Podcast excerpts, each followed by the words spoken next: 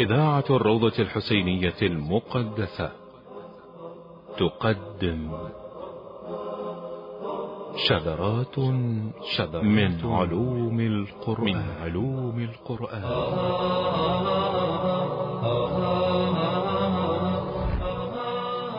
شذرات من علوم القرآن. إعداد وتقديم السيد مرتضى جمال الدين. شذرات من علوم القرآن مونتاج نورة الكربلائي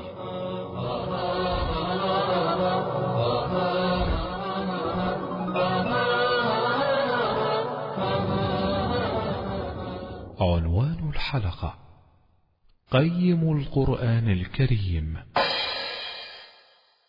أعوذ بالله من الشيطان الرجيم.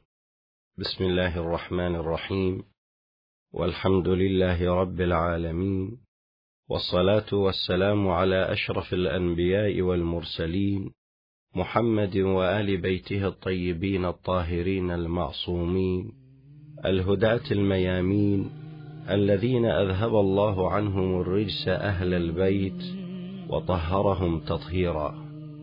والصلاة والسلام على أهل بيت النبوة وموضع الرسالة ومختلف الملائكة ومهبط الوحي والتنزيل. والصلاة والسلام على أمناء سر الله وتراجمة وحي الله وعيبة علم الله. أعزتي المستمعين الكرام في برنامجكم القرآني شذرات من علوم القرآن. ونحن على مائدة القرآن الكريم قدمنا في الحلقة الماضية تعريفا وإضاءة حول علوم القرآن والتي يجب على المهتمين بشؤون القرآن والذين يريدون أن يصلون إلى فهم القرآن عليهم أن يدرسوا علوم القرآن الكريم. قدمنا في الحلقة الماضية تعريف القرآن وقلنا بأن علوم القرآن هي العلوم الباحثة حول أحوال القرآن أو قل شؤون القرآن. فائدته فائدة مهمة للمفسر للمطالع لمن يريد أن يعرف أسرار وخبايا هذا القرآن الكريم. غرضنا منه هو غرض كل من يريد أن يفهم القرآن وشؤونه العلمية ويطلع على أسراره العظيمة إذ إن القرآن الكريم هو معجزة النبي الخالدة وهي التي بين أيدينا إلى يوم القيامة.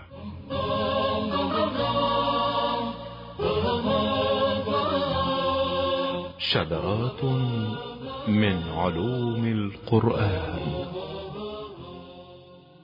ذكرت ملاحظة مهمة في علوم القرآن أن الكتب المصادر في علوم القرآن ككتاب البرهان للزركشي وكتاب الإتقان للسيوطي ومن أتى بعدهم ناقلا منهم سواء كان من علماء الشيعة أو علماء السنة. ملاحظتان على هذه البحوث. الملاحظة الأولى أن هذه العلوم المباركة علوم القرآن مع ما بها من فائدة علمية إلا إنها بشكل واضح وصريح عزلت العترة الطاهرة ومساهماتهم المباركة في حفظ القرآن وفقه القرآن وتفسير القرآن وخدمتهم للقرآن الكريم. ومما يؤسف له حتى ممن كتب في علوم القرآن من علمائنا الأبرار وأساتذتنا الأكاديميين في الجامعات مشوا على هذا المنهاج وهذا تسطيح لأهل البيت.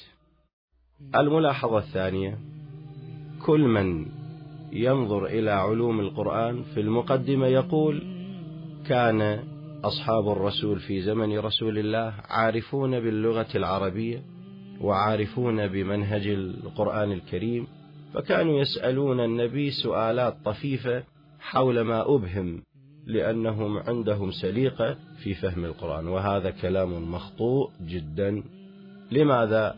لأن القرآن الكريم جاء ونزل على قلب النبي محمد وأحدث انقلابا فكريا في دلالة الكلمة ومعناها وعظمة الحرف العربي ومعناه وجاء القرآن بمصطلحات جديدة لم يعهدها الوسط العربي آنذاك مع ما وصلوا إليه من قمة في البلاغة والفصاحة كالمحكم والمتشابه العام والخاص المطلق والمقيد. نعم والناسخ والمنسوخ فأنى لهم بمعرفة هذه الأمور. بل أنها نزلت مع القرآن الكريم والدليل على ذلك أن أمير المؤمنين عليه السلام كان يدون هذه العلوم مع القرآن ومع بيان القرآن وتفسير القرآن الملاحظة الثالثة كل من كتب في علوم القرآن الكريم كان بحثه غير مرتب وغير مصنف في عرض المادة العلمية.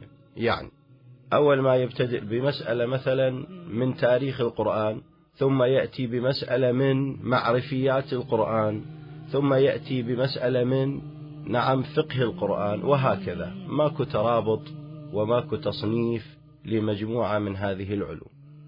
في بحثنا هذا نحاول أن نصنف القرآن حسب ما استطعنا وحسب إدراكنا إلى أربعة أبواب. الباب الأول الباب المعرفي. حتى ندخل على القرآن الكريم لا بد أن نفقه ونعرف جوانبه التي تحيط به. ما هو هذا الكتاب؟ ما هي خصائصه؟ ما هي صفاته؟ ما هي آثاره؟ ما هي أنواع الآيات التي فيه؟ وقبل كل شيء أول ما تذهب إلى القرآن الكريم أيضا تتعلم أسماء القرآن. عندما تتعرف على أي شخص جديد لا بد أن تسأله عن اسمك فتسأل عن أسماء القرآن وأسماء سور القرآن. وهناك أيضا أسماء للآيات القرآنية فلكل آية أيضا اشتهرت باسم كآية المباهلة وآية التطهير وآية التبليغ وهكذا.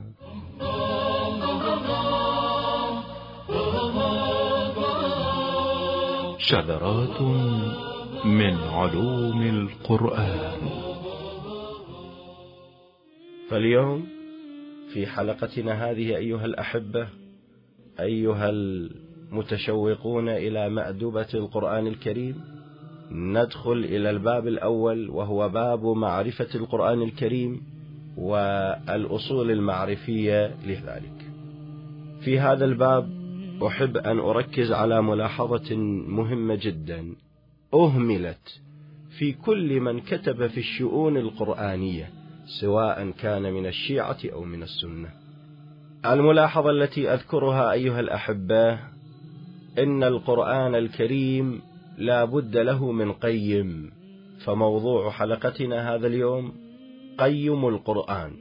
من هو قيم القرآن؟ لا شك ولا غرابة المسلمون قاطبة يجمعون على أن رسول الله صلى الله عليه وآله وسلم هو قيم القرآن في حياته. والدليل في ذلك دليل قرآني في سورة الجمعة. بسم الله الرحمن الرحيم. هو الذي بعث في الأميين رسولا منهم يتلو عليهم آياته ويزكيهم ويعلمهم الكتاب والحكمة. وإن كانوا من قبل لفي ضلال مبين. فإذا النبي الأكرم هو معلم الأمة. النبي الأعظم هو الذي يعلم الأمة ويزكيها. ولذلك كل الصحابة وكل أهل بيته يهرعون إليه في تفسير القرآن وأخذ معاني القرآن وأسرار القرآن من النبي صلى الله عليه وآله وسلم. فبعد وفاة النبي صلى الله عليه وآله وقف على قدميه الشريفتين وقال بمسمع ومنظر من جميع الصحابة وممن رأى ذلك وقال فليبلغ الشاهد الغائب. يبلغهم حديث الثقلين. يقول إني ذاهب إلى ربي وإني تارك فيكم الثقلين كتاب الله وعترتي أهل بيتي. ما إن تمسكتم بهما بهما. هذا ملاحظة مهمة. لن تضلوا بعدي أبدا. كتاب الله وعترتي أهل بيت محاولات حثيثة في حياة رسول الله. أن تفصل بين القرآن وبين قيم القرآن. فقال قائلهم في حجرة رسول الله حسبنا كتاب الله. وهذا أمر خطير في حياة رسول الله. ترجم بعد وفاة رسول الله بالإطاحة وعزل قيم القرآن عن الأمة وعن القرآن الكريم. النبي صلى الله عليه وآله وسلم في حجرة وفاته تنقل هذه الرواية أم سلمة تقول والحجرة مكتظة بأصحاب رسول الله فقال لهم أوشك أن أدعى فأجيب وإني تارك فيكم خليفتين. كتاب الله وعترتي أهل بيتي. أعطى النظرية الرسول ثم قال يقول كان نائما فأخذ بيد علي بن أبي طالب ورفعها. فقال هذا علي مع القرآن والقرآن مع علي بن أبي طالب عليه السلام. هذا المطلب مهم جدا. هذا الحديث ينقسم إلى قسمين. كل قسم فيه كلام. هذا علي مع القرآن. يعني علي لا يفارق دستور القرآن قيد أنملة. وتعلمون لما جاءته الخلافة بعد الثاني قالوا أتحكم بكتاب الله وسنة رسول الله؟ والشيخين رفض. لماذا رفض؟ لأنه أراد أن لا يتعدى خط القرآن والسنة النبوية. فقط وفقط. علي مع القرآن. بعد والقرآن مع علي شنو معنى هذه الكلمة؟ القرآن مع علي يعني أيها المسلمون يا من تريدون فهم القرآن تفسير القرآن علوم القرآن أسرار القرآن صفات القرآن فخذوها من علي بن أبي طالب.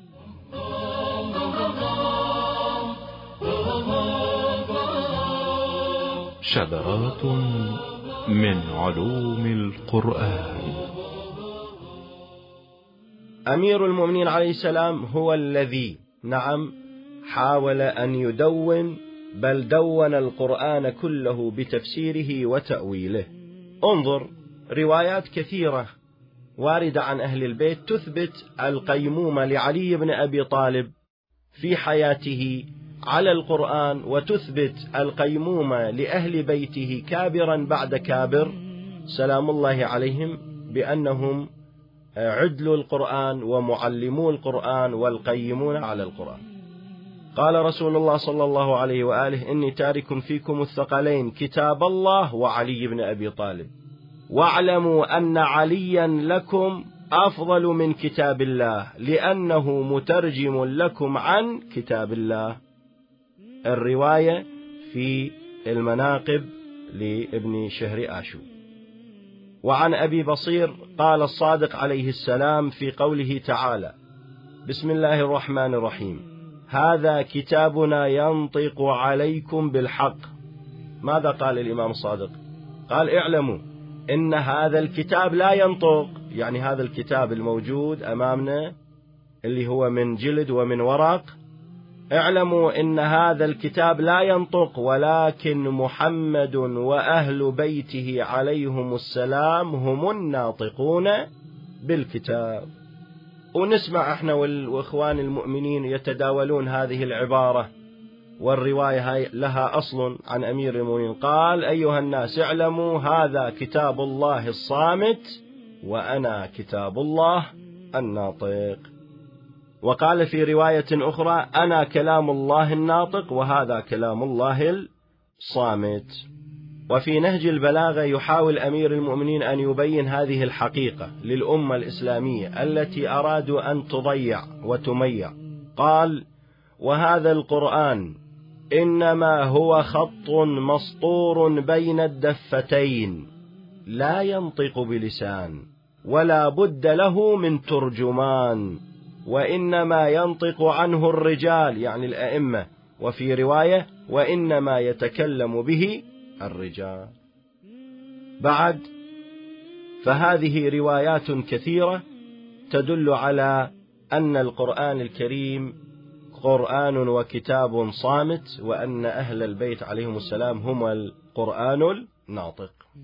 هناك برهان لطيف ورد في أصول الكافي الشريف. يبرهن بالبرهان العقلي الاستدلالي على وجود القيم للقرآن ولا بد من وجوده وإنما أنا قدمت أول باب وأول علم من علوم القرآن أسميته علم قيم القرآن. هذا لم يتداوله أحد من علماء علوم القرآن من الخاصة والعامة مع أن رواياته موجودة ومبثوثة. لأننا إذا أردنا أن نفهم القرآن علينا أن نعرف من هو المعلم حتى نتعلم من.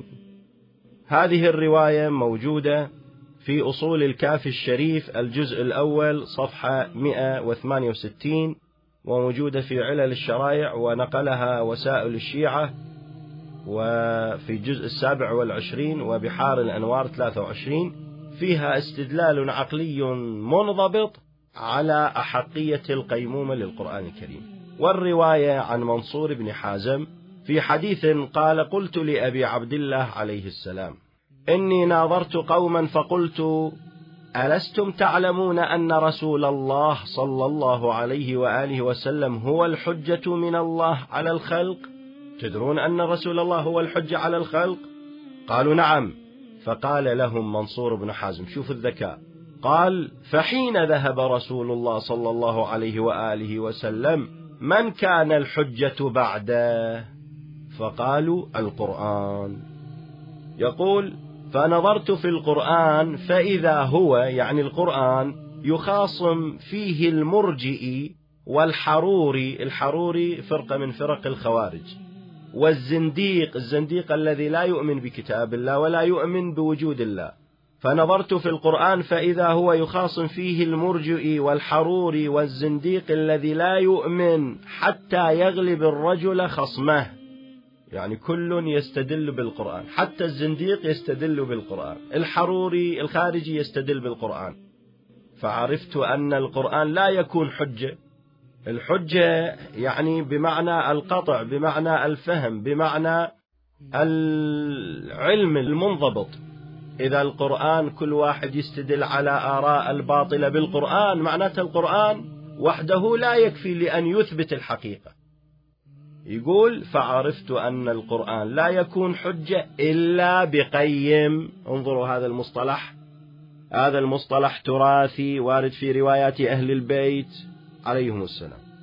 فعرفت أن القرآن لا يكون حجة إلا بقيم. ما قال فيه من شيء كان حقا. فقلت في حاجج الجماعة اللي كانوا يم فقلت لهم من قيم القرآن؟ قالوا كان عبد الله بن مسعود وفلان وفلان وفلان.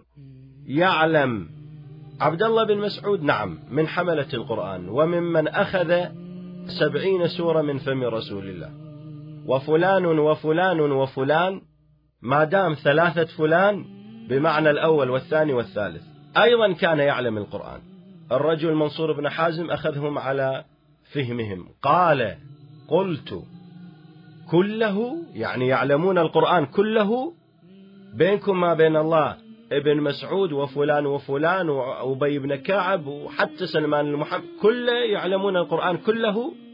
قالوا قد كان عبد الله بن مسعود وفلان وفلان وفلان يعلم. قلت كله؟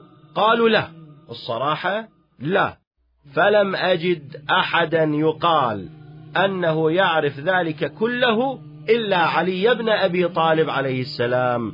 وإذا كان الشيء بين القوم وقال هذا لا أدري وقال هذا لا أدري وقال هذا لا أدري وقال هذا لا أدري فأشهد أن علي بن أبي طالب كان قيم القرآن وكانت طاعته مفروضة وكان حجة بعد رسول الله على الناس كلهم وأنه ما قال في القرآن فهو حق فقال له الإمام الصادق على هذا الاستدلال المنطقي العقلي المتسلسل رحمك الله بارك الله فيك. يعني بعض الأخوة أقرب وأسهل المطلب. إجا قال يا ناس يا عالم منو في زمن رسول الله الحجة؟ قالوا هو النبي هو الحجة. زين بعد وفاة رسول الله الجماعة قالوا القرآن يكفي. يعني نفس النظرية السابقة حسبنا كتاب الله. قال لهم زين إذا كان القرآن وحده يكفي إيش معنى يجي الخارجي يستدل به؟ يجي المرجئي يستدل به الأشعري يستدل به المعتزلي وين الحق لحد إذا ماكو الحق مسألة صارت نسبية والحق مع واحد. قالوا له شو تقول؟ يقول فعرفت أن للقرآن قيم. أسألكم بالله من قيم القرآن؟ قالوا عبد الله بن مسعود ونماذج من الصحابة. نعم ما ننكر إحنا عندهم علم قرآن. ما ننكر أنهم حملة للقرآن. لكن هنا الكلام. يعلمون القرآن كله؟ قالوا اللهم لا. نعترف لك ما حد يقول أنا أعرف القرآن كله. لأن فلان يقول إذا سألناه يقول لا أدري وفلان يقول لا أدري وهاي جيد. خي نصف العلم إذا سئلت ولا تعلم أن تقول لا أدري. اعتراف بالخطأ فضيلة. لكن أشهد أن علي بن أبي طالب ما سئل إلا وقال أدري. فإذا افتهمنا وثبت أن علي بن أبي طالب هو قيم القرآن.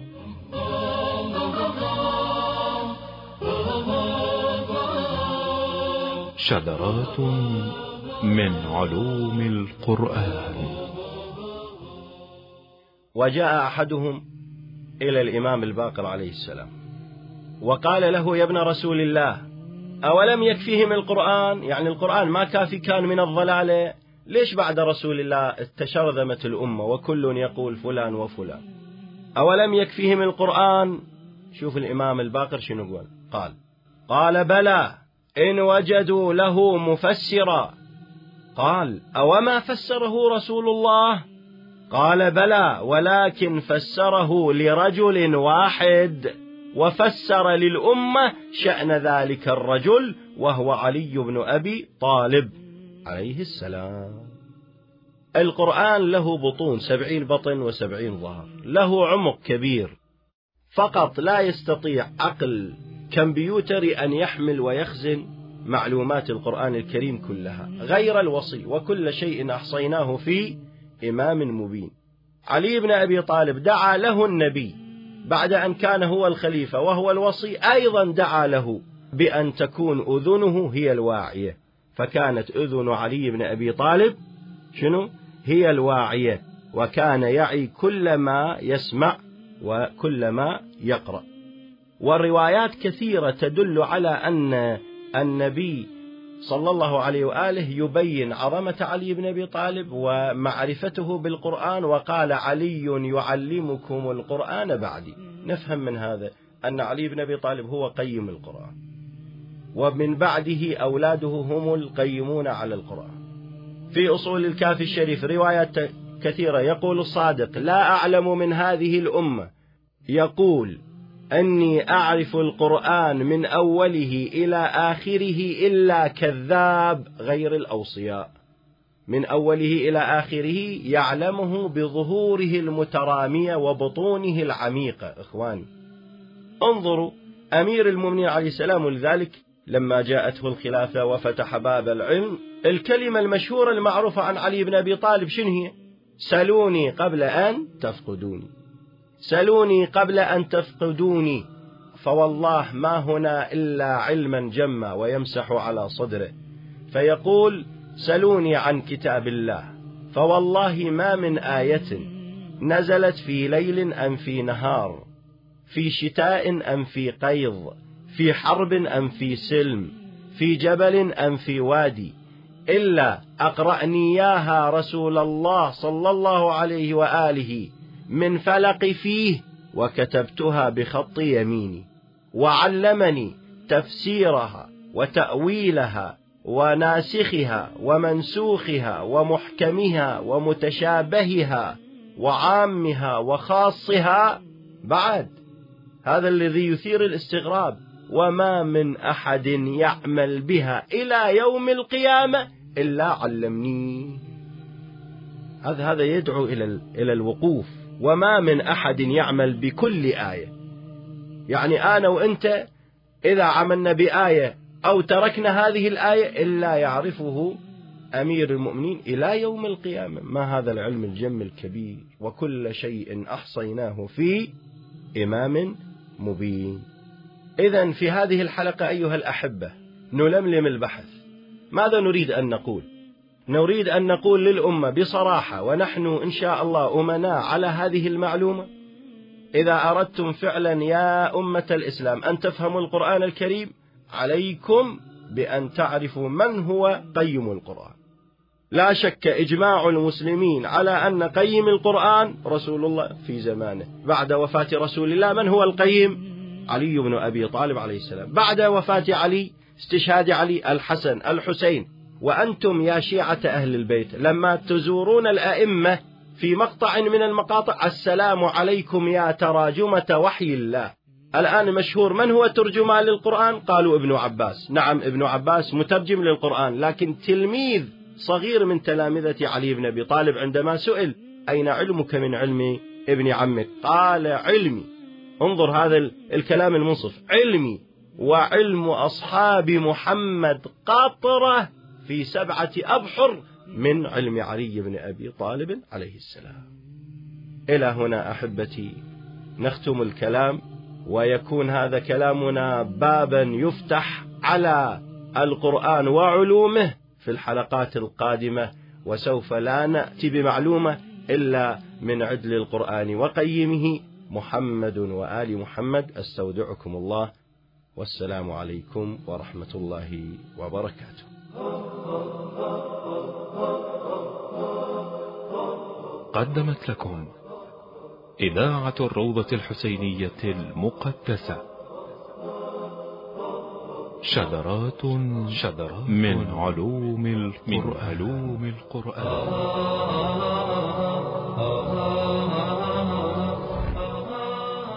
شذرات من علوم القرآن.